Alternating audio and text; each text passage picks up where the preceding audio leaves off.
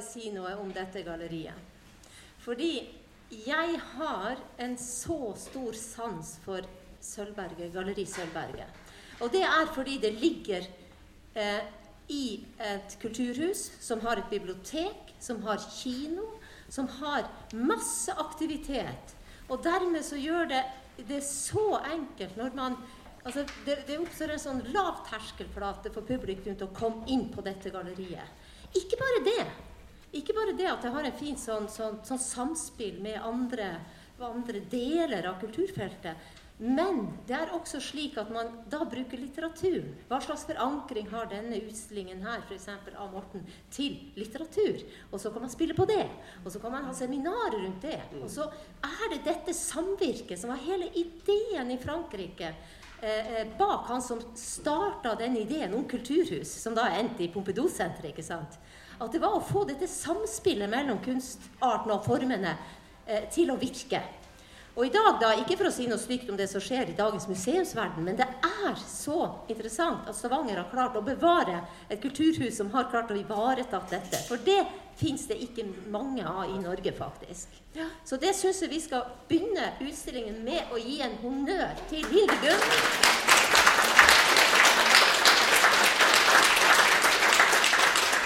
Som da har kjempet for å ivareta hvert fall, Det er jo redusert galleri i forhold til det var før, men i hvert fall, jeg vil bare poengtere ta vare på Galleri Sølvberget.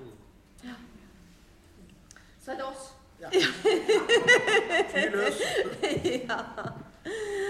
Jeg tenker ofte at uh, hvis man kan begynne, Hva er forskjellen mellom et maleri og et fotografi? Kan begynne å snakke litt om dette med fotografiets vesen. Hva er det som preger dette mediet i kontrast til andre medier.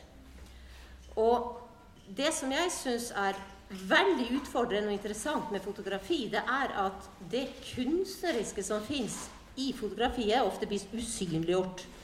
Fordi folk de tenker at et foto det er det samme som virkeligheten. Altså at det et fotografi representerer dets re referent, det er ofte det samme som er så knytta til virkeligheten at det er så vanskelig å se hvor kunstneren egentlig kommer inn. Ikke sant? Ja, Fordi at fotografiet har denne lange historien for å da dokumentere og speile virkeligheten. Og da tenker jeg at det er så interessant å begynne å snakke om da, Morten, eh, hvordan du kan eh, hvordan du jobber. Altså du bruker timevis for det første i å forberede et portrett. Du sa en gang at eh, bak et godt portrett så ligger det 80% kommunikasjon. Og så er det, er det, er det den kommunikasjonen i, i, i, i for, forkant, som sikkert eh, kan være uker, månedsvis av eh, bekjentskap med en forfatter, f.eks., for og innsikt ved at du leser deg opp på litteraturen og kanskje kjenner noen av disse forfatterne fra før. Men så er det iscenesettelsen av hva dette portrettet skal artikulere. Mm. Og du jobber jo på den måten at du får fram noe i forfatterskapet gjennom portrettene. Mm. Ja, og det er jo det motsatte av et sånt snapshot eller av et sånt overfladisk bilde. Det er et bilde som en, en, en, har en psykologisk dybde og forankrer Altså Du forankrer på en måte lys- og skyggemodelleringen og iscenesettelsen og øyeblikket, og du bruker hendene ofte som en, eh, som en, artikulator for det du kaller en nevrose. Mm. For du ønsker å få fram en nevrose i eh, kunstneren. For har man ikke denne nevrosen, så er, er på en måte både litteratur og kunst litt sånn fattigslig. Eller det, det, er nødvendighet å ha en konflikt, en indre konflikt. Og ser man på disse portrettene her, da, så, er, så, jo, så har du jo en mørk bakgrunn eh, som gjør det som gjør at ansiktene modelleres fram. Er de hugges fram av lys og mørke. Kan du fortelle litt om hvordan du jobber med lys, lyset i disse portrettene? Altså Det som eh, eh er faktum, er jo at 80% av det jeg gjør, er jo ikke kjente mennesker. Mm. Ja, det det er, riktig. Som dere. Jeg kunne, hvis jeg hadde fotografert et portrett på hvis jeg blir hyra til å gjøre det, så bruker jeg akkurat samme metodikk. Mm. For jeg mener at et menneske som ikke har en nevrose, har ikke tenkt over livets korthet. Eller eh, eh, eh Johannes W. Jensen, som var en, en, av de største danske forfatterne, sier at alt er unyttig bortsett fra min skjelving. Og det, eh, som jeg sa, sagt til deg, Tone, at for noen måneder siden så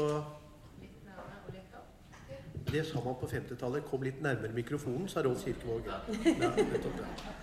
Eh, Marit Bjørgen ringte meg, jeg har et portrett av henne. Og så spurte hun om du kunne kjøpe det. Så sa jeg selvfølgelig får du det. Du har jo stilt opp eh, på dette. Og da spurte jeg hva savner du? Og da sa hun jeg savner ikke seierspallen, jeg savner ikke treningslærerne, jeg savner ikke å være sliten, men jeg savner de tre timene før en OL-øvelse hvor jeg satt på do og kasta opp. Fordi da har du hi... Du lever Hun sa det er bare de sekundene i to fødsler som kan sammenlignes med hvordan du lever, og det er det jeg hatet og tenkte at jeg ikke ville ha. Så hun, hun var veldig inne på den eh, negativiteten som, som hun aldri kan få igjen. Som er egentlig hvor hele hud, altså muskulaturen er spent. Og sånn er det uh, Nå er det litt lettere å forholde seg til uh, forfattere. Uh, for dere, siden dere har et, et, slags bilde av disse forfatterne. Men jeg tenker på nederst til høyre Vigdis Hjorts da Vigdis kom. altså Det jeg må gjøre, er jo å etablere en trygghet og en Altså en virkelig dialog først. Og så er min mekanisme å hive dem og oss alle ut på dypt vann. Og da hadde jo Vigdis akkurat fått beskjed at eh, familien kommer til å gå til rettssak med eh, Og det var før boken kom. Dette var i mai. Boken skulle komme i september. Uh, og da kjører jo jeg inn mot de konsekvensene.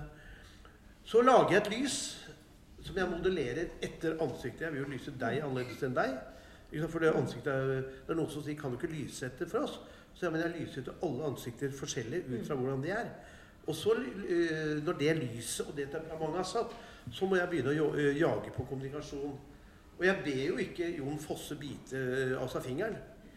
Og jeg blir jo ikke Vigdis sitte sånn, men det kommer av seg selv under en dialog hvor jeg pusher inn alvoret mm. i, i det jeg er ute etter. Alvor. Jeg hater jo den derre Uh, at alt nå skal være underholdning. Mm. Jeg, altså, det er så Alt skal være så morsomt og festlig. Uh, altså, jeg orker jo ikke det. Uh, og jeg er ikke ute etter at dette, disse bildene skal være sånn smilebilder, og, for det, det, er ingen grunn til det.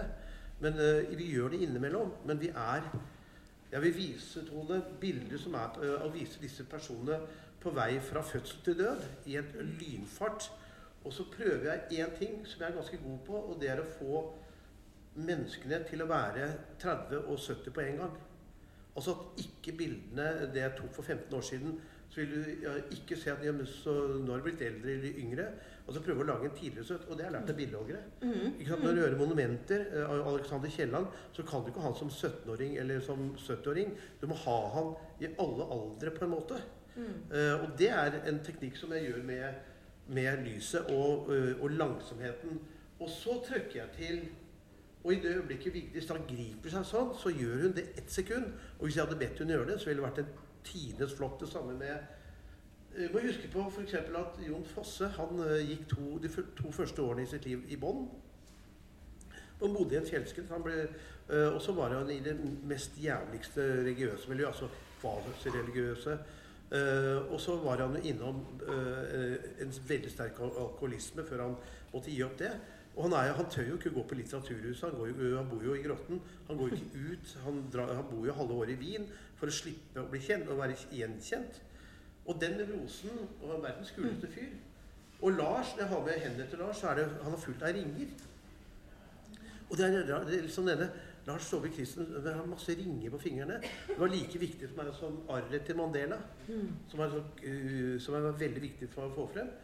Uh, og med Linn uh, Ullmann til venstre så ble det bare sånn Og det skjedde Hun er så utrolig elegant i måten hun sitter nesten med danser og snakker. Hun kunne vært sånn døvetolk omtrent. Altså hun er helt og da danser. Og da bare venter til det kom inn, og så ser hun nesten Hun er en tøff dame, altså. Altså, Du kommer ikke for seint til henne. Uh, og den der at hun betrakter Så det er sånne ting jeg tenker, mm. tenker på. Da, uh, men jeg ber aldri folk Kan du ta opp hånden til mm. ansiktet? Men den kommer jo. Uh, sannsynligvis hvis du jobber sånn som du sitter nå, så kommer jo den under en dialog hvor du glemmer kamera. Det er jo greiene, da. Så, så prøve å få, få, inn en tidløshet i hele hjernen deres òg. Så er det Harlis Moren Vesus, da. Dette portrettet som også er blitt altså Mange av disse portrettene du har gjort av forfattere, er jo blitt ikoniske for forfatterne.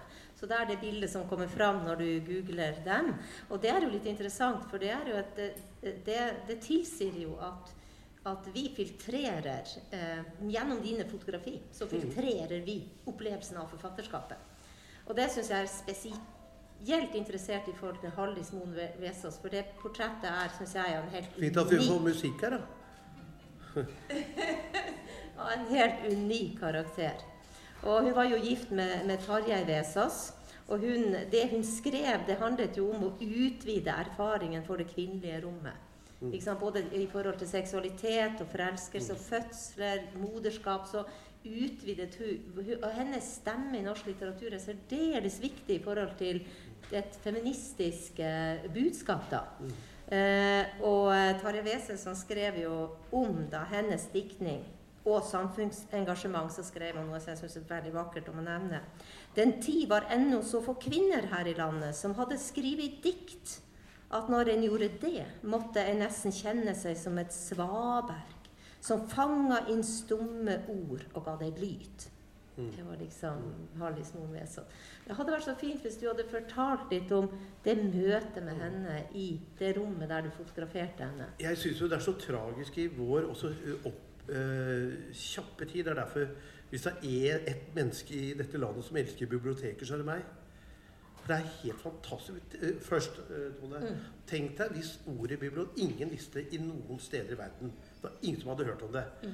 Og så går f.eks. Uh, så går for eksempel en eller annen stortingsrepresentant opp på talerstolen, og så sier hun eller han Jeg foreslår at alle norske byer og store tettsteder neste år skal få tilgang til hele verdenslitteraturen gratis.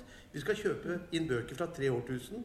Vi skal kjøpe inn 1500 uh, eksemplarer av hver eneste litterær litterærforfatter. Og i løpet av et par år skal alle få lov til å låne DVD-er, CD-er, de kan sitte på nett, og alt skal være gratis. Vi ville i dag blitt båret ut og sannsynligvis lagt i remmer. Og lagt på en psykiatrisk institusjon. Altså, folk ville jo tenkt at det er helt utenkelig, men det fikk vi til mm. når vi var fattigst i Europa. Ja. Ja. Da fikk vi til det. Ja.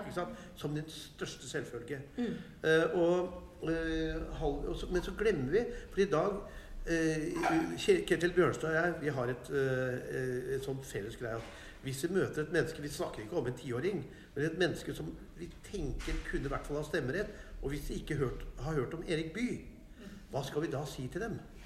Så for vår er det sånn De som ikke har hørt Erik, om Erik Bye Og så traff jeg en ung mann. Han er 26 år og spiller saksofon og studerer på Musikkhøgskolen. Så sa jeg jeg spør alltid har du hørt om Erik Bye. Ja da, sa han. Ok, da kan du få en øl av meg, sa jeg. By og Rønning. Og da tok jeg tilbake den ølen. Så at jeg betale selv. Og Hallis Moren Vesaas, det siden det er sånn Pride-parade nå hun snakket om for 40 år siden, 50 år siden, så snakket hun om mer inngående Ikke minst pga. Karin Boje, mm, mm, uh, som var mm, lesbisk og tok livet av seg. Hvor hun skriver diktet til Karin Boje. Det var før krigen. 1940, eller under 1942, eller hva det var. Så disse har jo vært på barrikadene. Mm. Som jeg, jeg, kan ikke skjønne én Det er mye musikk her nå. Uh, som ikke én eneste som jeg vet om er i dag. Mm. Og så skriver, så skriver hun jeg, la, jeg, har en julekalender hvor jeg legger ut uh, kunst uh, på, på, min webside, eller hva det heter. og da skrev jeg om, om Haldis. Og Haldis kom Jeg håper det er noen lærere her. for Haldis kom da til mitt studio. og vi hadde avtale sånn Morten, har du et glass rød vin? Han er jo Telemark. Ja, det er selvfølgelig. Det er et atelier uten det er jo utenkelig. Så jeg skjenket de Så jeg, du ser litt sliten ut, Haldis. Jeg har vært på skolen, og der var norsklæreren tolket mine dikt. Jeg skjønte ingenting, altså. så hun måtte uh, bygge seg litt. Men en, en, en, kvinne som det, vet du, du glemmer Jeg skriver jo. Du glemmer jo aldri et møte, for det er noe med hele auraen her. Uh, og uh, nå bringer jeg det litt lenger, men jeg, jeg, bare undrer på Jeg har ikke noe mer greie på det enn dere. Jeg har fire barnebarn, og alle har begynt på, i barnehage som ettåringer. Vil Haldismoren Vesaas eller Georg Johannessen eller uh, Erik Bye, og Tor Heierdal og Helge Ingstad Sånne få mulighet til å vokse seg til sånne personligheter? Spørsmålstegn. Fordi de var helt frie. eh, og, og, så- og ikke dresserte. Eh, og Haldis var ikke dressert. Og bare tenke på også i vår tid at Haldis fortalte at hun og Tarjei møtte hverandre, og de var jo fattige. Eh, stort sett, altså De bodde på hvert sitt pensjonat for herrer og for kvinner. Og da gikk de om natten, eh, for de hadde ikke noe sted å gå inn, og leste dikt av Olav Duun for hverandre. Mm. Er ikke vakkert? Ja. Men det du kan være glad for, for at dine barnebarn går i barnehage, det er jo at de lærer jo både om deg, f.eks. Ja. som kunstner, eller de lærer om halsmoren deres, Ja. som jeg ikke gjorde i mitt hjem. Nei, det er for det var absolutt. ikke bøker der. Nei. Og det er veldig bra. Ja. Sånn at jeg, jeg tenker jo at eh, jeg, Jeg- er for mye av det som skjer i barnehagene. Jeg er helt enig. Bare lære å slå seg. Ja, ja. Sverre, Sverre fikk 18 sting i Ja. Sverre fikk, eh, Mitt barnebarn fikk 18 sting i panna og gikk på trynet. Det første han gjorde, var fra legevakta å sende 'Se her!' Sånn at jeg håper du får arr for resten av livet. Ja! Og nå er det fint. Så lærte han syntes det var dødskult. Han visste at når de faller og slår seg, så er det ilandsproblem. ser jeg. Gidder ikke å grine. Ikke sant? Ved siden av å ha jobbet eh, Du er jo kanskje mest kjent for dine portretter, eh, Morten. Så har du jo eh, Ditt kunstnerskap består jo av å jobbe i et så veldig utvida felt. Og det, det gjør at jeg syns det er vel spesifikt interessant. For det er ikke så mange kunstnere som både er jobber sammen i samarbeid med, med, med veldedighetsorganisasjoner, hjelpeorganisasjoner, som reiser rundt, som, som jobber med fattigdomsproblematikk, som du gjør. Og du har gjort det i også bilder som her, vises her. Og så jobber du med kulturhistoriske minner. Du jobber jo med, med kunsthistoriske ikoner, reiser til Roma og eh, jobber med arkitektur og kunst. Det er også ett felt. Så har du dette, denne serien 'Rekviem' om døden, som ja, det er er kanskje den viktigste det jeg har. viktigste, ja. Så, men men det, er, det er summen av alt dette som gjør deg til den eh, fantastiske eh, humanisten du er. Fordi i tillegg da til at du jobber med, Du formidler foto til tusenvis av mennesker med kursvirksomhet hvert år i ulike deler av verden.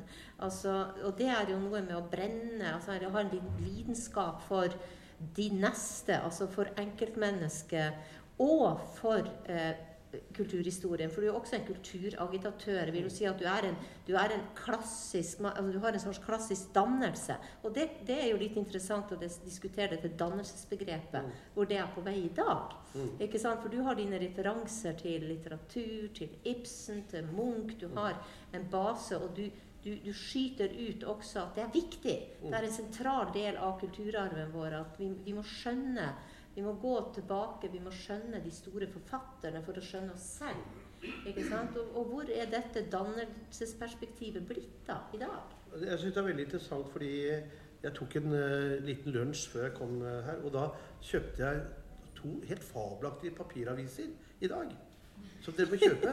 For det var to artikler. Den ene det var VG og Dagbladet. Og Dagbladet hadde Tom Stalsberg hadde mitraljøse attakk på Norge. På dobbeltmoralen om fra dyrehold til eh, klimakvoter og, den der, og bompenger og hele pakka. Men gjort på en humoristisk greie. Jeg sendte eh, melding til Helt gikk og var verdt å kjøpe Dagbladet ett år bare for denne artikkelen. Og, og så hadde også VG et, eh, hadde jo, eh, Odd Nærdrum er jo med eh, på syv-åtte sider. Ja. Og da tenkte jeg også Kjetil Rød skrev i går, og det er det, det spørsmålet før vi går videre, det er eh, hvor Kjetil Rød sier hele tiden vi må tenke frem. Vi, altså vi må gjøre noe nytt. Mens Odd Nerdrum mener at eh, det er jo ikke noe nytt å føde barn eller Mm. å dø eller å gråte. Altså, Mm. Uansett hvor mye digitalt du sitter, så er det faktisk hudkontakt Mm. og kroppslukt og uh, alle disse tingene. Man kan ikke kutte ut det. Nei. Uh, og da har jeg lyst til å få ditt uh, blikk på det. fordi også eh, Dere bør, dere som ikke er eh, Men dere bør faktisk dra til Oslo i løpet av eh, sommeren. For det jeg mener at det er den beste utstillingen jeg har sett i Oslo på mange år, er møtet mellom Ketil Kolwitz og Edvard Munch. Mm. Og det er helt sant. Og da sa jo eh, Mona Palle Bjerke at eh, det er første gang jeg har sett faktisk at Munch nesten er overgått. Mm. Altså spurte overgår Munch Kate Collins, og Mm. faktisk så er det den utstillingen sa hun er den mest briljante som handler om uh, sånne ting. Hva tenker du om moderne kontra eh, Altså dette fra Figger av Jeg liker jo ikke den diskusjonen. Da tenker du? Mm. Mens du svarer, skal jeg bygge fyke. Ja, det er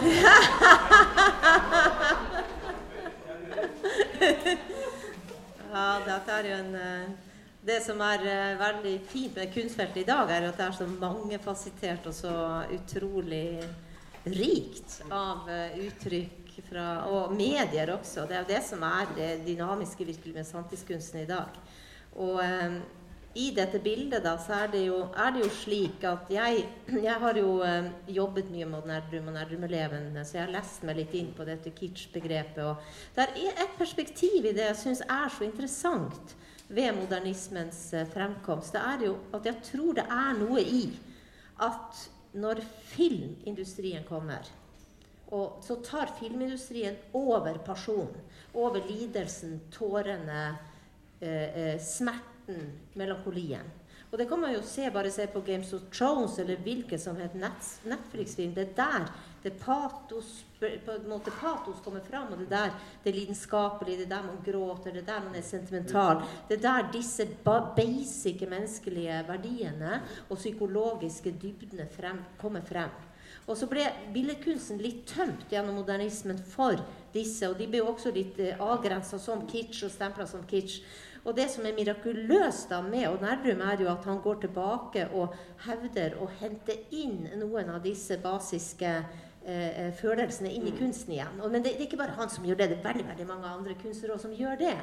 Og jeg er ikke noe tilhenger av hans sånn ideologi på den måten at, at ved modernisme så slutter kunsten og sånn. Det er jeg ikke tilhenger av. Sånn det, og heller ikke det sekteriske med å være åpen mot andre uttrykksformer og sånn.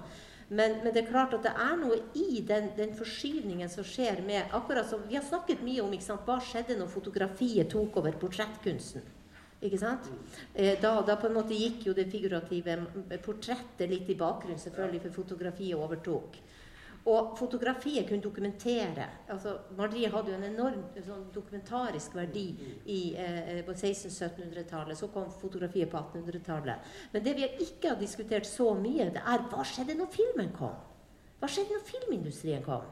De tok opp disse, disse her, altså alle disse emosjonelle eh, på en måte plattformene, og så sugde det opp, og kunsten ble på en måte Og måtte også kanskje sammenligne i lys av hvordan effekten er, da.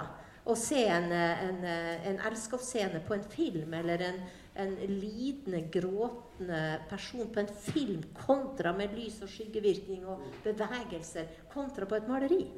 Og det er jo interessant. Veldig, Mm. veldig interessant. Eh, så der, Derfor jeg tenker Hvorfor lykkes f.eks. italienerne med hvor man tenker at nå på Cinema Paradiso Nå kan ikke Morricone kjøre en én fiolintone til. For da blir det sånn sett betalt. Og så kjører han tre til, og så griner alle. Og så blir det verdensmester. altså de våger å dra det ut eh, på et høyt nivå. Eh, jeg eh, Når vi snakker om dette med eh, hele Særlig fra bildet eh, 'Den døde fuglen', som er fotografert på 24 timers eksponeringstid, til Bokhumal, Eh, den Requiem-serien som jeg holder på veldig sterkt med nå, er basert på, eh, på poesi. Men det, jeg tenker på modernistene kontra det klassiske. Hvis jeg får lov til å lese en liten ting fra Hans Børli, Mm. som, er som Kolbein Falkhaug, som bor borti Hoggeir, holdt jeg på å si. Det er Haugesund, det er jo rett borti her. Ja, eh, for, ja, da, Rolf Kirkevåg. Ja. Han har skrevet et dikt som Kolbein Falkheim mener at det er det beste diktet som er skrevet i norgeshistorien, mener Kolbein. Han Hans Børli. 'Tømmerhoggeren', som gikk rundt og aldri fikk et stipend, og var en eneste uke i, på Kanariøyene. hvor Glåmdølen sendte ham på Kanariøyene, og har ble så vettskremt at han kjøpte han eh, tre flasker Bacardi i rom, og satt og drakk det på rommet og turte ikke å gå ut, og så dro han tilbake igjen og lengtet hjem til skogen. Men eh, eh, bare, nå skal du høre her. For han skriver, og dette bygde jeg over en helt utstilling på Stenersmuseet, og det var utgangspunktet for den fuglen som står uh, i en sånn gotisk stilling nærmest. For det Kolberg skriver Jeg har sett døde fugler i skogen om høsten. De ligger i lauvraske med føttene bønnelig trukket opp under seg. Vingenes gotiske linje gjennombrudd av vær og hvete. Brystfjærene skjelver sakte i vinden. Så tenkte jeg til det Det er et veldig godt dikt, men det kunne mange gjort. Så drar han et totalt kontrapunkt. Man skulle nesten tro at det var strykekvartetten av Beethoven som ligger nesten mot Sostakovitsj senere. eh, Hvor det ligger så, også elemaler som plutselig drar til, til eh, og spenner et grep mot eh, et slags atonalt. For da sier han Nå skal jeg ta det veldig fort. Jeg har sett døde fugler i skogen om høsten. De ligger i lauvraske med føttene bønnelig trukket opp under seg. Vingene skotiske linje gjennombrutt av vær og hvete. Brystfjærene skjelver sakte i vinden. Så finner han opp et ord. Fordi han har flyttet fra en betrakter til kosmos. Du hører stillheten, snø, inne på fugleviddene, i det vesle hjertet. Et lys faller inn fra evigheten. Ditt sinn kaster skygge, lik et tre i måneskinnet, ute på endeløse nysnømyrer. Så er vi der. Så er døden der. Så er kosmos, så er himmelrommet. Og så finner han opp på fuglevidde et ord som ikke eksisterer i språket. Og så tar han fra det figurative, som er en, beskrivelse, og løfter det opp. Og for meg er dette eh, Hvis man kunne klare det i ett fotografi, så hadde det vært et helt liv. Forstår du, liksom fra, Og da er det en abstraksjon. som jeg da mener Når jeg eh, forholder meg til abstraksjon, så er ikke det kadinske og det non- non-figurative. Det men abstraksjonen er at det er bilder og ikke virkelighet. Og det er det vanskeligste i fotografiet. Å lage bilder og ikke registrere en virkelighet. For det kameraet er jo det store problemet. Altså Fotografiet hadde vært mye kulere uten det fordømte kameraet. Sant? Et godt eksempel Morten, på, på det med abstraksjon eh, Det har du jo i egentlig alle bildene dine, men jeg syns det vi har rett bak oss, er en sånn Det er veldig det er, det, er en abstraksjon der du da tar Altså, du omgjør hele denne Altså dette, dette sjalet, den kjolen Du monumentaliserer eh, Du omgjør det nesten til en skulpturell form. Og, og du anonymiserer kvinnen, ikke sant? så det blir liksom alle kvinner. Du abstraherer kvinnefiguren. Og så følges blikket vårt opp i denne monumentaliseringen egentlig av moderskapet Mm. som sådan. Eh, og så lager du noen linjer også. Legg merke til den linjen som ikke er Det er det som er så vanskelig i fotografi å skjønne. ikke sant, At du komponerer. Ja. Og så følger man denne linjen i foldene, og så ser man rett inn i det blikket som ser mot oss. Returneres mot oss, og så returnerer vi igjen blikket tilbake og ser denne, eh, eh, har. Ja, så det, er den der liksom Mm. den, den, den, Altså den her bevegelsen du gjør fra altså Abstraksjonen her er jo veldig veldig tydelig Mm. til stede. Og lager også et, altså et fotografi som er veldig sånn formalt, veldig veldig interessant. Og innholdsmessig empatisk og rikt. Ja, Det som er veldig interessant, som du sier, at øh, hun sender jo et Mm. signal til oss som vi arbeider og sender tilbake. Og, det. og jeg så ikke øh, Dette er i Trea, øh, Mm. 3000 meter over havet. Jeg tok tre eksponeringer. På digitalt så skyter man det hele tiden. Men jeg hadde stativ og nærmet meg via tolk. Og det første er med ansiktet til moren. Mm. Og det er da, For jeg beskjærer aldri bildene mine etterpå. Og det er da jeg tenkte at øyeblikkelig at dette er moder jord. Mm. Eh, eh, For hun er kledd i hvitt, og hvis hun skjærer av, og så vil hun bare hele Hun bare går og går og er Og kvinnen er jo kvinnen, altså Afrika er kvinnenes kontinent. Så det, den avgjørelsen tok jeg ingenting her er beskåret etterpå. Og så gikk jeg innpå og ser en, og da var det jeg så eh, Det er 4,2 millioner mennesker i Eritrea, og over 2 millioner er enten krykker, rullestoler eller skadet. Fordi etter 30 år med Etiopia, det er miner overalt. De går på miner hele veien. Så man kommer inn, så ser man ruller Altså, det er, der hadde Frivillighetssentralen hatt litt å drive med. Ja. Og det var da jeg så det. Men uten med bilde av ansiktet, Mm. da er det et fotografi. Ja, Og nå har jeg gjort et bilde. Ja. Det er noe helt Ja. annet. ikke sant? Det er veldig Mm. interessant. Og så har vi jo bak oss der du sitter, Geronimo, som Ja. også er et helt fabelaktig portrett. Og det er altså mange, mange årsaker av det bra. Det er for det første en utrolig god kompos komposisjon. Og så er det dette ansiktet. ikke sant, Den her indianerkvinnen som er helt sånn altså, hvor solen bare har gjort sin inntrede, og som alderdommen som lær, og, og rynkene fremtreden. Og det går jo helt sånn i, tvert imot alle, i hvert fall Botox-kulturer og plastic fantastic-tiden vi lever i. Der de liksom aller rikeste og eliten nesten uten unntak faktisk har Botox og plastisk kirurgi. Og det er jo litt sånn interessant hvis den eliten, økonomiske eliten på en måte representerer våre forbilder. Og ungdommers forbilder, ikke minst. Hva slags kultur er vi i ferd med å skape? Hva slags samfunn ønsker vi egentlig å skape? Og det bildet der er på den måte en slags motstemme mot det også, da. Indirekte, da. Ikke sant? Eh, Kanskje spesielt for man er kvinne, så tenker man at det er en sånn fantastisk Det er så vakkert. Og så er det lyset. Hvordan du også har eh, klart å fange altså Man skulle tro dette bildet er stilisert. Du har sagt henne 'stå der, se her'. For å klare å fange det blikket og den der trekvartsvinklingen og posisjonen og gjenskinnet i pupillene Legg merke til det. Altså, Man skulle tro du hadde arrangert det bildet. Mm. Men det har du da ikke gjort. Nei. Nei. Fortell litt om bakgrunnen for Det, det. det som eh, ja, Vi har jo et farveslide av, eh, som eh, min assistent tok to sekunder før det bildet, som viser hvordan det var. Men jeg ser jo alltid det ferdige eh, mørkeromsbildet. Altså jeg, når jeg ser ned i søkeren Jeg ser ikke på noen skjerm eller noe sånt, for det er jo jeg jobber analogt. Så ser jeg hvordan det skal bli. Så jeg bruker det lyset til Så vet jeg hvordan jeg kan skyve det lyset videre i, i mørkerommet. Så vi hadde vært og fotografert i, på Titicatasjøen i Peru. Og så kom vi kjørende, og vi skulle videre. Så tid om kvelden så så jeg i full fart eh, på den terrassen, så så jeg henne. Og så kjørte vi halvannen time til. eh, og skulle overnatte i et vertshus. Og to timer etter så vekket jeg sjåføren så sa du får litt ekstra. vi må kjøre til. Jeg må bare finne henne. For hun er inn på radaren min. Jeg må finne henne. Og så kjørte vi tilbake med han som tolk. Så lette vi et par timer eh, ved seks-syv år morgen, og så fant vi henne. Og da spurte hun hvorfor vil du fotografere meg, og da sier jo tolken fordi jeg, liksom maestro det, i det landet, Mm. eh, syns hun er så vakker. Og det skjønte ikke hun. Også, det, det, det handler om en urskjønnhet. Mm. Eh, altså ansiktet er et, script or scroll hvor altså, erfaringene Mm. eh, leaves imprint, in print, som jeg Mm. sa til henne. Ja. Eh, og to sekunder før så er det jo ganske kjedelig. Og så, men jeg sender jo et signal til henne. Altså I det øyeblikket du tar det som jeg Jeg sender en melding som gjør at hun øyeblikkelig Mm. går opp og responderer Ja. på den meldingen. Ja, For det er ja. min energi Mm. som skal bearbeides i, i hennes hode, og så sende vårt felles møte inn på den timen. Mm. Jeg kan ikke bare, si, bare sitte der. Altså Jeg må komme med en eller annen Mm. melding, eh, og den skal egentlig heller ikke bare være positiv.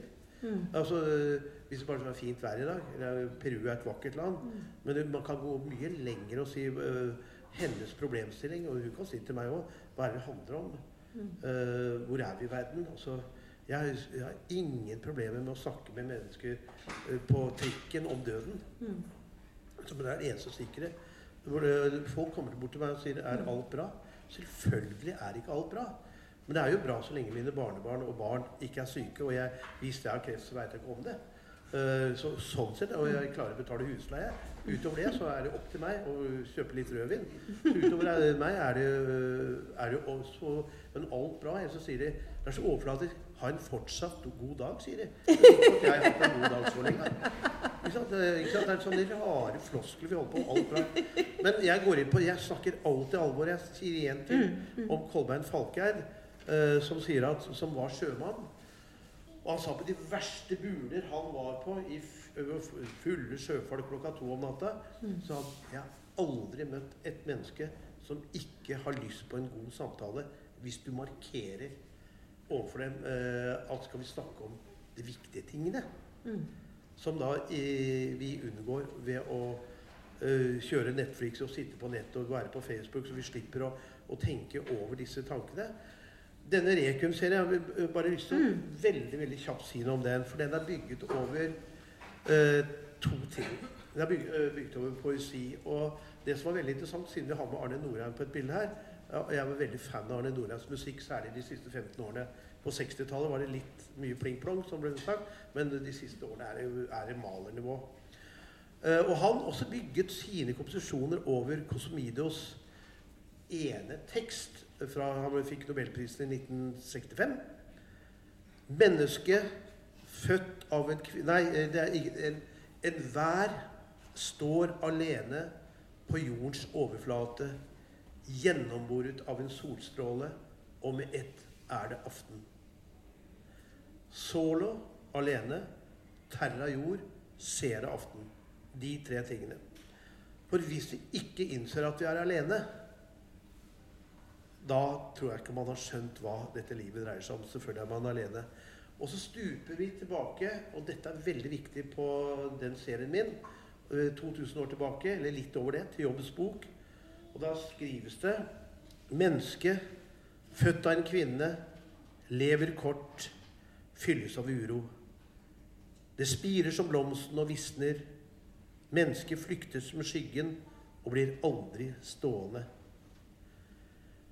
Og nobelprisvinneren Samuel Beckett i den fantastiske, kanskje det vakreste skuespillet i det 20. århundre, mens vi venter på Godot, så står Vladimir og Estragon på denne counter-roaden, som i første akt har et tre eh, som har blomster på, andre eh, har et tre som er avblomstret, og så er det én counter-road, og så spør, de Samuel Beckett er den veien via Dolorosa, og så sier han 'probably'. Probably. De venter og venter, og det er veldig mange som gjør. De venter på ferie, de venter på julaften, de venter på julegratial, de venter på feriepenger og så greiene. Og Estragon eh, og Vladimir venter, og hver kveld så kommer det en budskap, en liten gutt, som sier at jeg skal hilse fra herr Godot og si at han kommer ikke i dag, men han kommer sannsynligvis i morgen. Og så er det et kvarter med en slave og en øh, slavehandler og en slave, men utover det og da sier Vladimir de må jo finne på noe å si, så de må ha samtalen. Det er jo hele Beckens poeng. Mm. At når du venter, mm. så må du kunne si. Og da spør Vladimir Estragon hva er livet?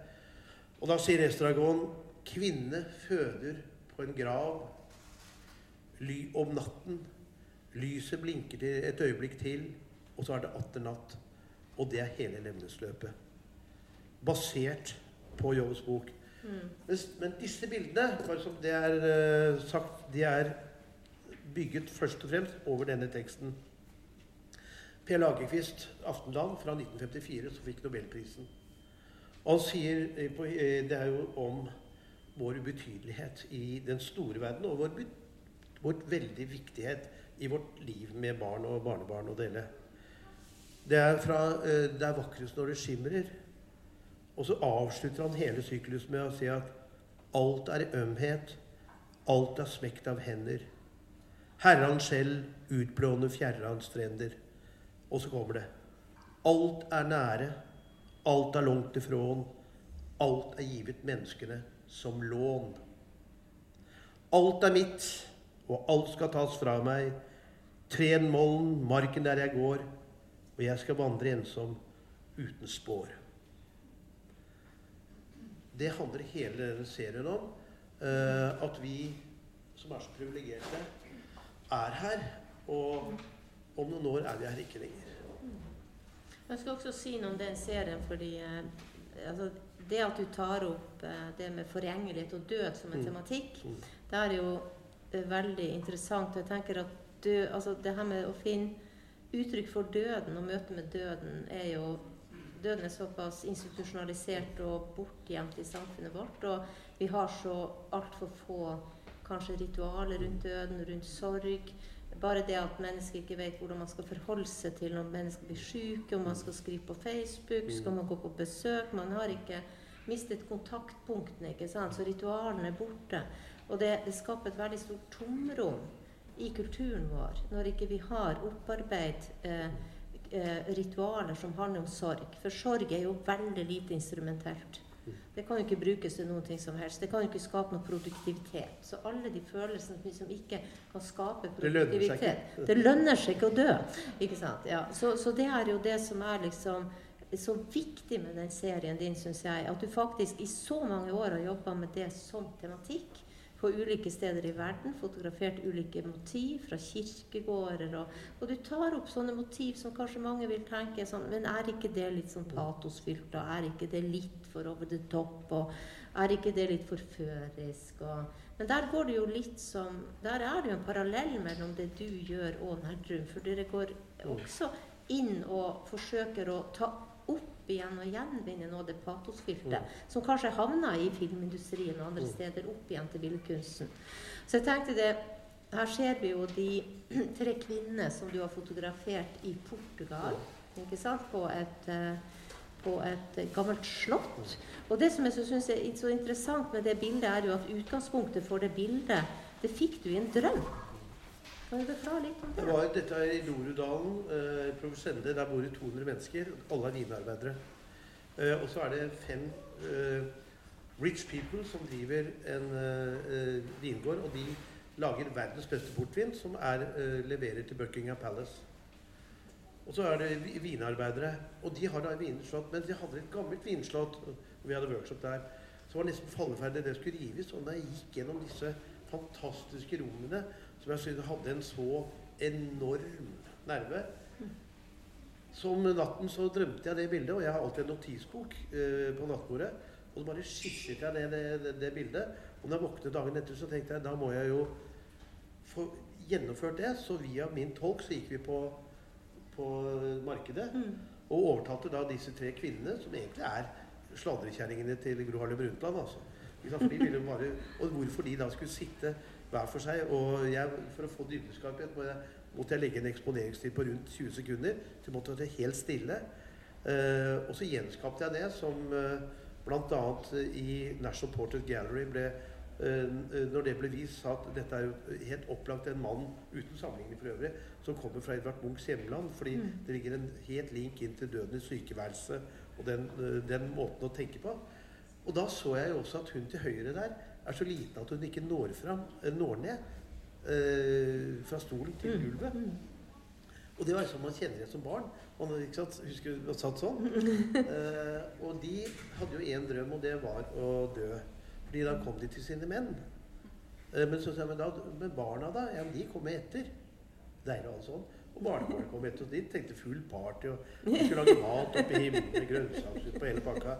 Men da det begynte hele denne serien, og ved siden av til venstre så ligger jo Rosalina Lombardo, som døde i, Hun er 99 år gammel, denne piken, som døde i 1920. Og eh, er i en krypt i Palermo. Eh, jeg betalt måtte bestikke munkene for å få låse meg der i tre timer. Eh, og for det er, det er helt totalforbudt å fotografere der. Og da fotograferte jeg henne, og hun er bevart. Og det er fullt av hull, og det vil se i kisten. Det er masse oksygen der. Og det de vet, er at munken i 1920 skrev eh, at hun fikk en sprøyte av sin far, som var lege. Men han døde rett etter, for det var pest. Men hun har bevart. Og det hele kisten er nesten møllspist, og hun ligger helt frisk inni en krypt. Og det er ikke noe spesielt kaldt, det er kjellertemperatur. Eh, og hun er helt hellig. Og hun blir kalt rosebarnet etter Rosalina Lombardo. Og det er jo alltid, når jeg stiller ut rundt i verden, så er det alltid barnas eh, favorittbilde. Mm. Og så sier Også på Haugar var det det. Ja. Mm. For det er som sier men de som er guidere og vakter, sier at hun er død. Så sier barna 'skjønner vel det, da, din idiot'.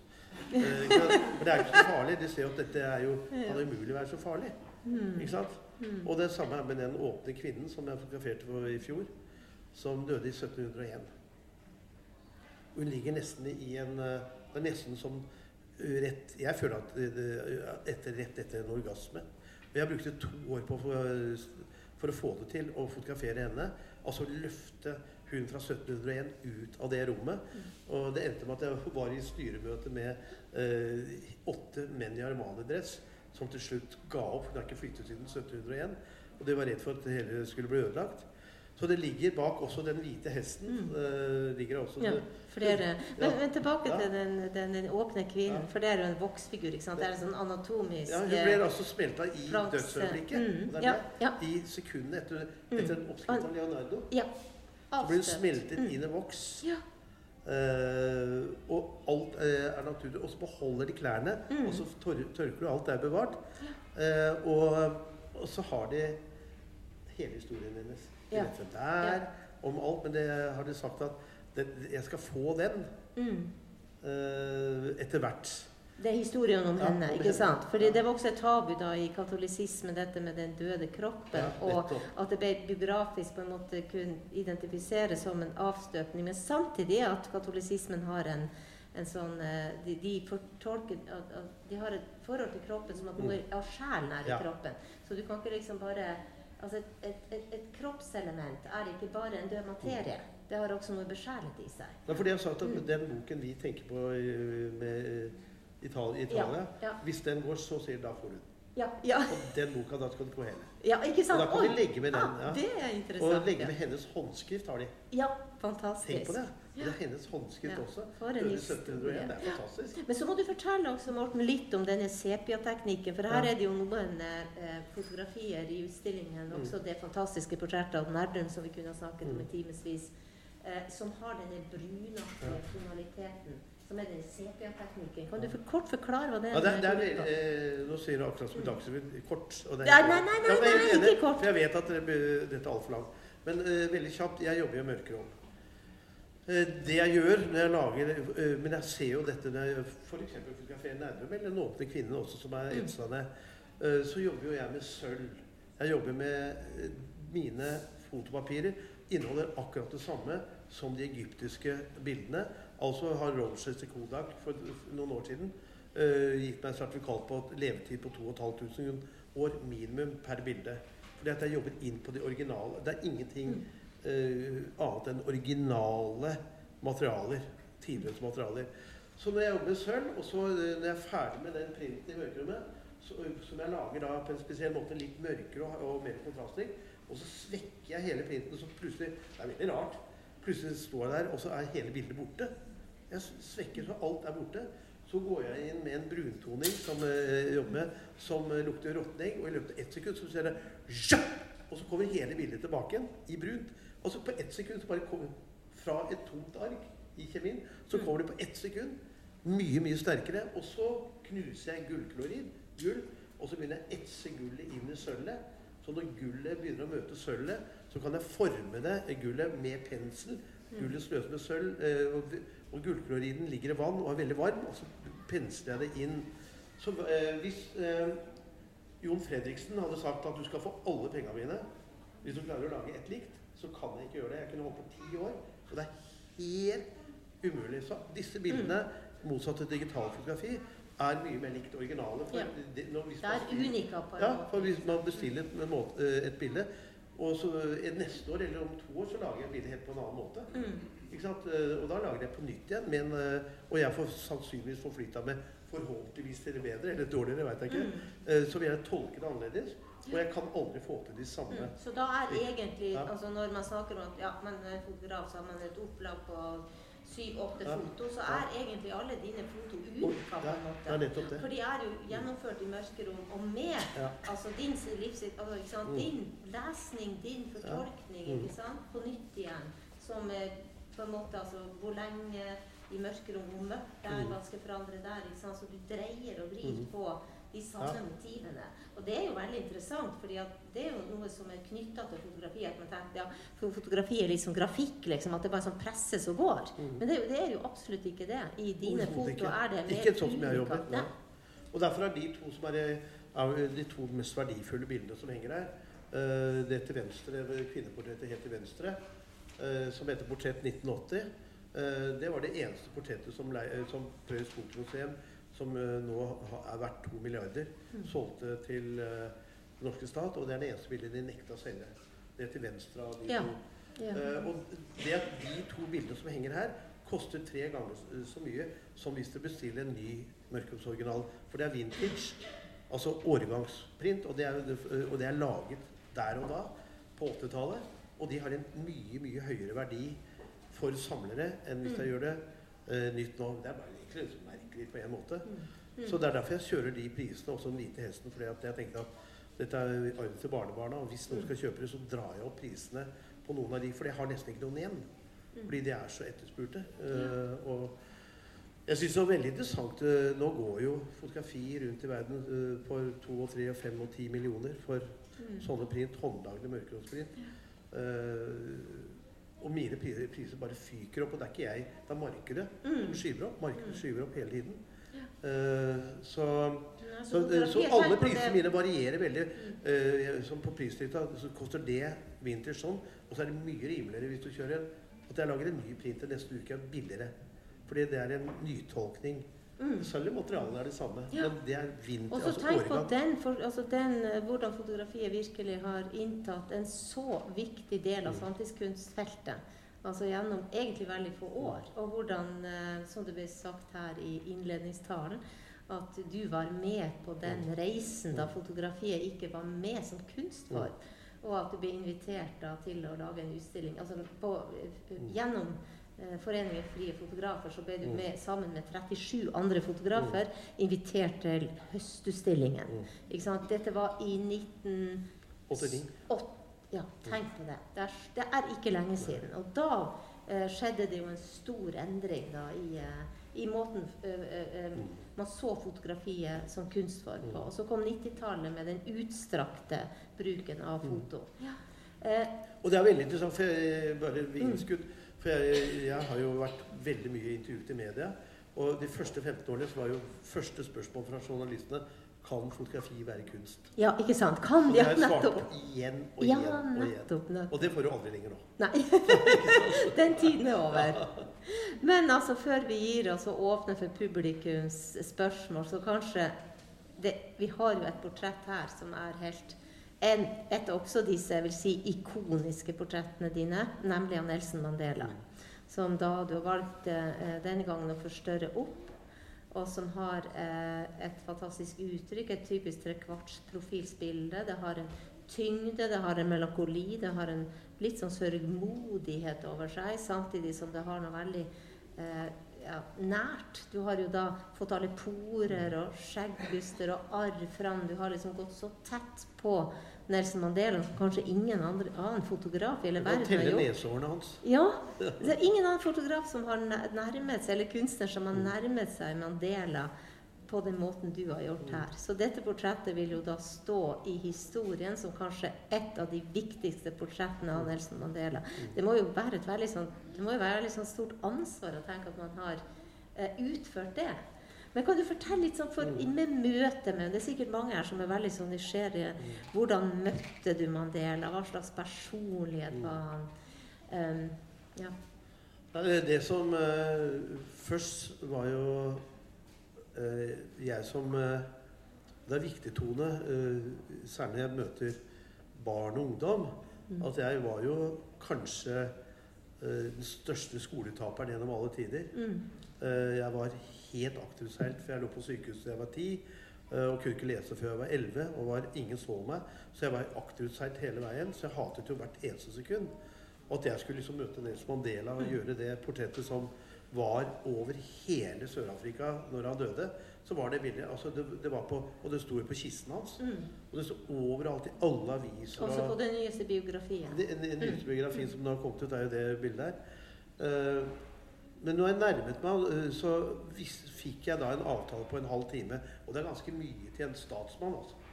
Uh, pressen får jo ti sekunder. Men jeg sa at jeg må ha det. Og så sto det da bevæpnede vakter rundt. Han var jo, det, men det, det du merker Og det, jeg har møtt så mange uh, sterke personligheter innen politikk og kunst. Jeg har møtt liksom veldig mange av ikonene. Og det er liksom ikke det at jeg tenker at de er nødvendigvis så utrolig smarte. Men det som slår meg, er den enorme kompromissløse holdningen til det å være til stede på denne jorda. Mm. Tidsbruken Altså være til stede. Her er jeg nå. Uh, og det er liksom ikke å bare sitte og se 400 timer på en eller annen Mm. serie. Altså, her er jeg. Mm. Lukten, smaken, Mm. dagen, tanke, utviklelse. Altså den her der. Eh, men uh, jeg hadde en halvtime, og så vet jo jeg med sånne Secret Service-folk og rådgivere at hvis han merker at dette er en ganske kjedelig fotograf, så vil de øyeblikkelig si at sorry at Mandela har et møte, så vi må dessverre ha ti minutter. Og det må jeg respektere. Så jeg tenkte at nå skal jeg i hvert fall holde på den halve timen. Så jeg gamblet litt. Så sa jeg uh, Mr. Mandela, hvordan er det å være 27 år uten å berøre en kvinne? Og de der to med maskingevær holdt på sånn dåne. Altså, det blir helt sånn Hva er det den mannen Nå går det til helvete. Og da sier Mandela dette blir interessant. og da en, så da ble det en time, og da rådgiverne måtte slepe det ut, for vi hadde jo de diskusjonene. Eh, og da hadde jeg to målsetninger. Og hvis du ser filmbilder av Mandela, vil du se at han har veldig dovne øyenlokk eh, fordi at de ble ødelagt i The Robin Island. Så øyelokkene her Og jeg ville ha to mål. Det var at øyelokkene skulle sperre, øyet skal sperres opp. Og hvordan jeg får det til, visste jeg ikke. Og så ville jeg ute og spørre ha med dette arret som ble tatt av en av Han ble jo knivstukket av en av vokterne. Og det der hvite arret. Ja. Og hvordan jeg skulle få det til. Og det tenkte jeg da må jeg gjøre det på en dialog hele veien. Og jeg tok altså på en sånn Apropos hvis det er amatørfotografer her, som jeg digger. Eh, men jeg har elleve eksponeringer på en time. Mm. Og så elleve klikk i kamera. Det er ikke noe mer. For i det øyeblikket jeg tar det, så må du vite at han må merke at nå Jeg sier 'nå gjør vi det'. Mm. Og så kommer denne plutselig dette eh, blikket, og han ble jo kalt Løven. Og jeg vil ha dette blikket, og det var det som gjorde Og så gjorde jeg da en, selvfølgelig da en tabbe ved at jeg i min begeistring da, sa til han at du kan bare få så mange bilder du vil. Så det kostet selvfølgelig ingenting. Og så fikk jeg da beskjed fra sekretæren var 1992 at han ville gjerne ha 500. Og det var jo Da måtte jeg mørkromme. jo. Det tok tre måneder. Han, da skulle jeg ønske det var digitalt. Da skulle jeg bare kjøre ut, Oppå og oppe bli gæren. ikke sant? Eh, Men eh, det står jo overalt i Sør-Afrika og er blitt eh, det ikoniske bildet av, eh, av Mandela. Men det skyldes uh, blikket i det øyet. Det Blikket, ikke også Ja, at du har et veldig ja. motsatt altså Mandela jo ofte offisielt ble veldig sånn fremstilt smilende. Ja. Og du har jo et mer sånn melankolsk uh, uttrykk i dette bildet der alt han, all, hans kamp Ja, det er det jeg og prøver og hele ikke sant, Den er liksom samlet i selve Kan ikke ha en sånn. Nei. Han sitter 27 år på Robben Island, altså. Ja.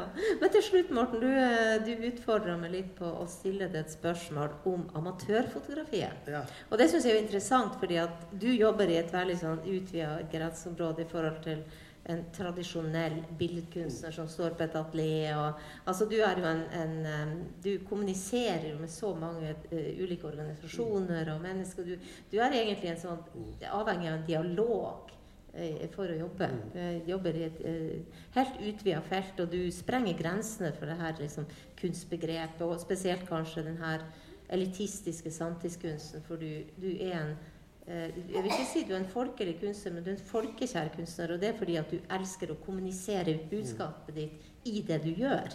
Og der så ligger jo det Har jo du gjennom mange, mange år hatt tusenvis av kursmedlemmer som har vært sikkert utrolig dyktige. Og, og, så dette her med amatørfotografiet, hvor går skillet mellom amatør Altså det å være en amatørfotograf, f.eks. Eh, drive med foto, drive med det, og det å være en profesjonell fotograf. Jeg vil gjerne si noe om det, for eh, nå til høsten i september så er det jo 30 år siden jeg startet workshop. og Jeg var den første som gjorde det i Skandinavia. Og det ble feiret oppe i Vågå med en enorm greie. Kongehuset kommer, eh, svære eh, arrangementer. Vi har eh, konserter, klassiske konserter. Reiersrud kommer med Iver Kleive på nattkonserter. Og det blir en veldig happening, for dette har betydd mye for, for folk. Mm. Og det jeg ser, fordi det er så utrolig mye begavede folk her, til, sett, og mange av de blir helt opp i det nasjonale norske sjiktet, men så stopper det ett felt. Og det stopper på to ting. Det ene er uh, dette begrepet motiv. Mm. At de går og ser etter et pent motiv. Altså noe som er fint, og så tar de det bildet. Uh, og så tror de at det motivet kan bringe dette ut i en kunstverden. Mm. Uh, Istedenfor man stoler på motivet og ikke på seg selv. Det andre er at, det mangler, at man mangler et stoff. Det, det er veldig lett å se at jeg har et stoff her. Mm. Og det, og her er det 40 år mellom noen av bildene. Men det, det ligger en, en tonalitet, et stoff, som du søker mer og mer. Uh, denne melankolien som, som ligger i, i mine ting. Jeg har en tre-fire temaer. Uh, og eh, apropos siden jeg er i Stavanger det er veldig, Du kan si på tre altså Det tar 25 sekunder å si temaet ditt til Alexander Kielland. Veldig kjapt. Tre-fire temaer. Og det har nesten alle store forfattere. Mm. eh, har veldig få temaer. Sandemo som sa har du mer enn tre temaer i en forfatterskap, så er du, er du ingen forfatter. Tizian sa Mm. bruker du mer enn tre farver på et bilde, så er du død. Altså det, det er sånne, øh, sånne øh, grunnfester at du må ha noe, for du kan ikke hoppe fra tue til tue. Mm. Du må Jan Gabarik, Mm. altså disse gutta, øh, Solstad, du kjenner igjen alt hva de holder på med. Det er, de går inn i sin egen tematikk. Og Mm. det at amatøren er så opptatt av to ting. De er for mye opptatt av fotografi, Mm. og ikke av det som er inni her. Mm. Litteratur. Mm. Ja. Eller malerkunst, det de er Mm, mm, opptatt av. mm. Og motivene. Ja. Og det pene. Og det pene er mot kunstens store fiende. Skjønnhet er den store vennen. Det er en stor forskjell på vakkert og pent. Mm. Jeg vil si til at Tone er en vakker kvinne. Men jeg ville aldri sagt at du er en pen kvinne, for det er bare sånn en av de som var på TV i et eller annet eh, sted. Som, eh, en pen kvinne. Da har jeg glemt en pen pike på Karl Johan. Jo. Men en vakker kvinne der, er det, det er en, For det vakre er også mot eh, Altså Noe av det vakreste i kunsten er slaktebildene til Rembrandt. Disse store oksebildene er helt fantastiske. Og det er noe helt annet enn å ta et pent bilde av en solnedgang. For eh, det som er poenget, det er at øynene nå skal jeg slutte, er at øynene ser noe helt annet når de ser et bilde kontra virkeligheten. Så i virkeligheten så er veldig mye av de der solnedgangsbildene det har Fleksnes på veggen. Og han Birger, Jesper Birger. De har sånne bilder. Og, og det het i gamle dager, i min, det er den eldste i dette rommet, het Minerva-tapeter. Het det på 70-tallet. Sånn solnedgangstapeter. Og det, det er nesten verre enn det Birger har. Han uh, Otto Jespersen-figuren. Uh, men det er veldig vakkert å se en solnedgang med øynene. Men det er egentlig det derre lilla mot gult, oransje Det er egentlig McDonald's-farger. Uh, og er eh, det, er, det er noe helt annet å se det i virkeligheten. Stedet, og da er det amatøren går etter det pene motivet i for stor grad, uten sitt eget stoff. Og bare kan kjøre forbi den solnedgangen og si men jeg må jo ha et stoff jeg, Det er en grunn for at jeg gikk ut og kjøpte det kameraet. Og da må jeg prøve å uttrykke et eller annet som er i mitt temperament. Mm. Eh, og da må jeg en base ut over fotografiet. Mm. Og da går man og ser f.eks. Arslan Kiefers eh, utstilling nå på Astro Fearnley, som handler om hans skisser og, Mm. og ikke minst bøker og Mm. illustrasjoner og sånn. Der ligger jo den store inspirasjonen. Eller det er nok å bare sette seg her. Ja. Og sitte her og hente disse gratisbøkene og holde på med det. For det er veldig fint med Netflix, for de er jo så jævlig proffe. Men det er tidstyv på lik linje med Facebook, altså. Det, og er det da spørsmålet om skal sitte og se veldreide ting, eh, at andre mennesker lever i sitt eget liv, mens man selv sitter med en Grandiosa? Er det det man vil? Ikke sant? I stedet for å delta med livet selv. For det er veldig forførende. Og jeg vet det, for jeg har sett én. Jeg, og da så jeg Dette er samme som å touche heroin. Og det het Borgen. heter den. Det handler om dansk politikk. Og jeg ble så hekta at eh, det går an å få på DVD. vet du. Så jeg henta det DVD. Eh, Så, og jeg så alt fredag og lørdag. Jeg så jeg gikk ikke ut. Jeg så alt. Det var helt fantastisk fint. Eh, og så har jeg glemt alt etterpå, selvfølgelig. Så når man går ned For alt dette kommer på DVD på platekompani, og så står det f.eks. den og den serien. Og så står det sesong 1. 94 timer. Og så jeg har sett alle tre sesongene, si- sier man da. Da var man oppe på 350 timer. Da var man en tredjedel av det Ole Einar Bjørndal trente i året for å bli verdens største olympier. Oi, Men jeg følger med i to timer, Ja. Og da var jeg i 600 timer. Og så er jeg på Facebook i halvannen time, og så har jeg sett uh, to timer TV. Og det eneste man ikke får, gjort, er å utøve noe som Mm. helst som har med frisk luft, trening, medmenneskelighet Mm, mm. og ikke minst det man fratar seg, det er å tenke over livets Ja. store utfordringer. For man Mm. sørger for å holde seg busy hele veien. Mm. Og da blir det ikke noe av noen ting. Mm. Og ingen av disse bildene er gjort med glede. Men det er gjort med uten det, så hadde det ikke vært noen. For jeg vil aldri For alle er gjort med fulle nerver, ubehagelighet. For det er så jævlig vanskelig. Mm. Og det er som Mari Bjørgen. Det er derfor vi holder på. Ja. Yes. Er det noen spørsmål? Da blir det alltid stille i Norge. Det er den beste måten jeg når folk ikke holder kjeft eh, på før. Er det spørsmål? Helt tyst. Ja! Eh, er det sånn at eh, disse portrettene at du ville ta de bildene fordi at de har litt evne, disse menneskene, til å være til stede? Det er et utrolig godt spørsmål. Ja. Uh, og jeg tror spørsmålet er mye bedre enn mitt svar. Uh, jeg kan svare med to kjappe. Det ene er hva Arne Norheim sa. Jeg fotograferte og gjorde TV med Arne Norheim tre uker før han fikk slag. Uh, og det siste han sa at 'Jeg har så mange svar jeg mangler spørsmål til'. For det er spørsmålet, som svenskene har det ordet, ifrågasatta. Uh, men det er litt mer praksis uh, enn som så. Jeg gjorde en utstilling i 2016 på Nasjonalbiblioteket hvor de utfordret meg til å ta for, forfatterportretter. Og bruke, ikke sant? Og så er det veldig interessant å prøve å gå litt bak huden på de som har alle de sidene her inne. Men eh, jeg jobber jo mest med å fotografere de som ikke er forfattere. Deg og deg og deg og deg. ikke sant? Altså, eh, men jeg mener at dere har akkurat den samme kraften. jeg, vet du. Og det er det er min jobb å få ut. For, for det fins ikke kjedelige mennesker, men det fins mye kjedelige fotografer. Og det er min jobb å dra ut det i en konsentrasjon. Og derfor kommer han til meg, så er ikke det 20 minutter. Eh, Vi ser at vi holder på noen timer. Og så ser vi hvor vi ender. Vårt fellesskap ender. Vårt felles møte. Mm. Og så er det min jobb å prøve å se hva er det en ting anatomisk jeg kan gjøre med deg med lyset, men ikke bare la du være en glamour, pen pike-syndrom. For du kan jeg få ett minutt til. Ja. Nå eh, hele Det glemte jeg nemlig. Nå kommer hele svaret. For en av mine største helter i mitt liv altså, det, øh, altså For meg, hvis jeg skulle må velge det, så må jeg velge Så må jeg kanskje velge bortsett fra altså Jeg tror jeg må velge Gustav Mahler. Jeg må velge i hvert fall tredje symfonien. Litt annen. Jeg må velge femte og eh, ikke minst niende symfonien. Og Gustav var gift, altså han døde i eh, 1911. Og han var gift med Alma. Og Alma var Wiens vakreste kvinne. Det var trafikkork. Altså Alma var så vakker at i- i- gikk Altså hun ble et ikon. Og eh, så sitter Gustav og Alma på en minikafé, Kafé Sentral, som har forløperen til Teaterkafeen. Og så går døren opp, og så kommer det Jeg kjenner alt om det med mine tidlige kvinner. altså. Så kommer det nemlig en kvinne som er så vakker at hun kanskje konkurrerer ut Alma. Og det blir helt stille.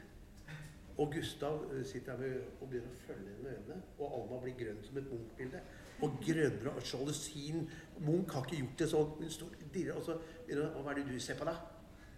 Og så sier han «Å, Jeg tenker hva du hadde gjort med henne jeg, hvis du hadde mulighet. Han bare ser og ser, og hun setter seg ned. Og da, eh, da er Alma klar til å stikke Gustav med en gaffel i halsen. Avfallet sier. Og så sier Hva syns du om henne? sier han. Så sier han Kjære Alma. Jeg vil bare finne ut at det ansiktet har ingen interesse. For i den skjønnheten finnes intet spor av lidelse. Intet spor av lidelse. Og da er det bare pent og kitsch. Ikke Odd kitsch, men da blir det kitsch. Altså det blir sånn som de der, eh, Det er veldig morsomt å gå ned på der hvor disse stakkars turister kjøper uh, design, gåsehøyne, noen sånne troll og sånn nede på stranda her. Ikke sant? Men uten en sorg så er det et ansikt u- Hvis ikke ligger denne volden i det. Og så døde jo Gustav, og da uh, giftet Alma seg med Walter Gropius, som startet hele Bauhaus. Og da sa hun at intet smaker bedre enn sæden av et geni.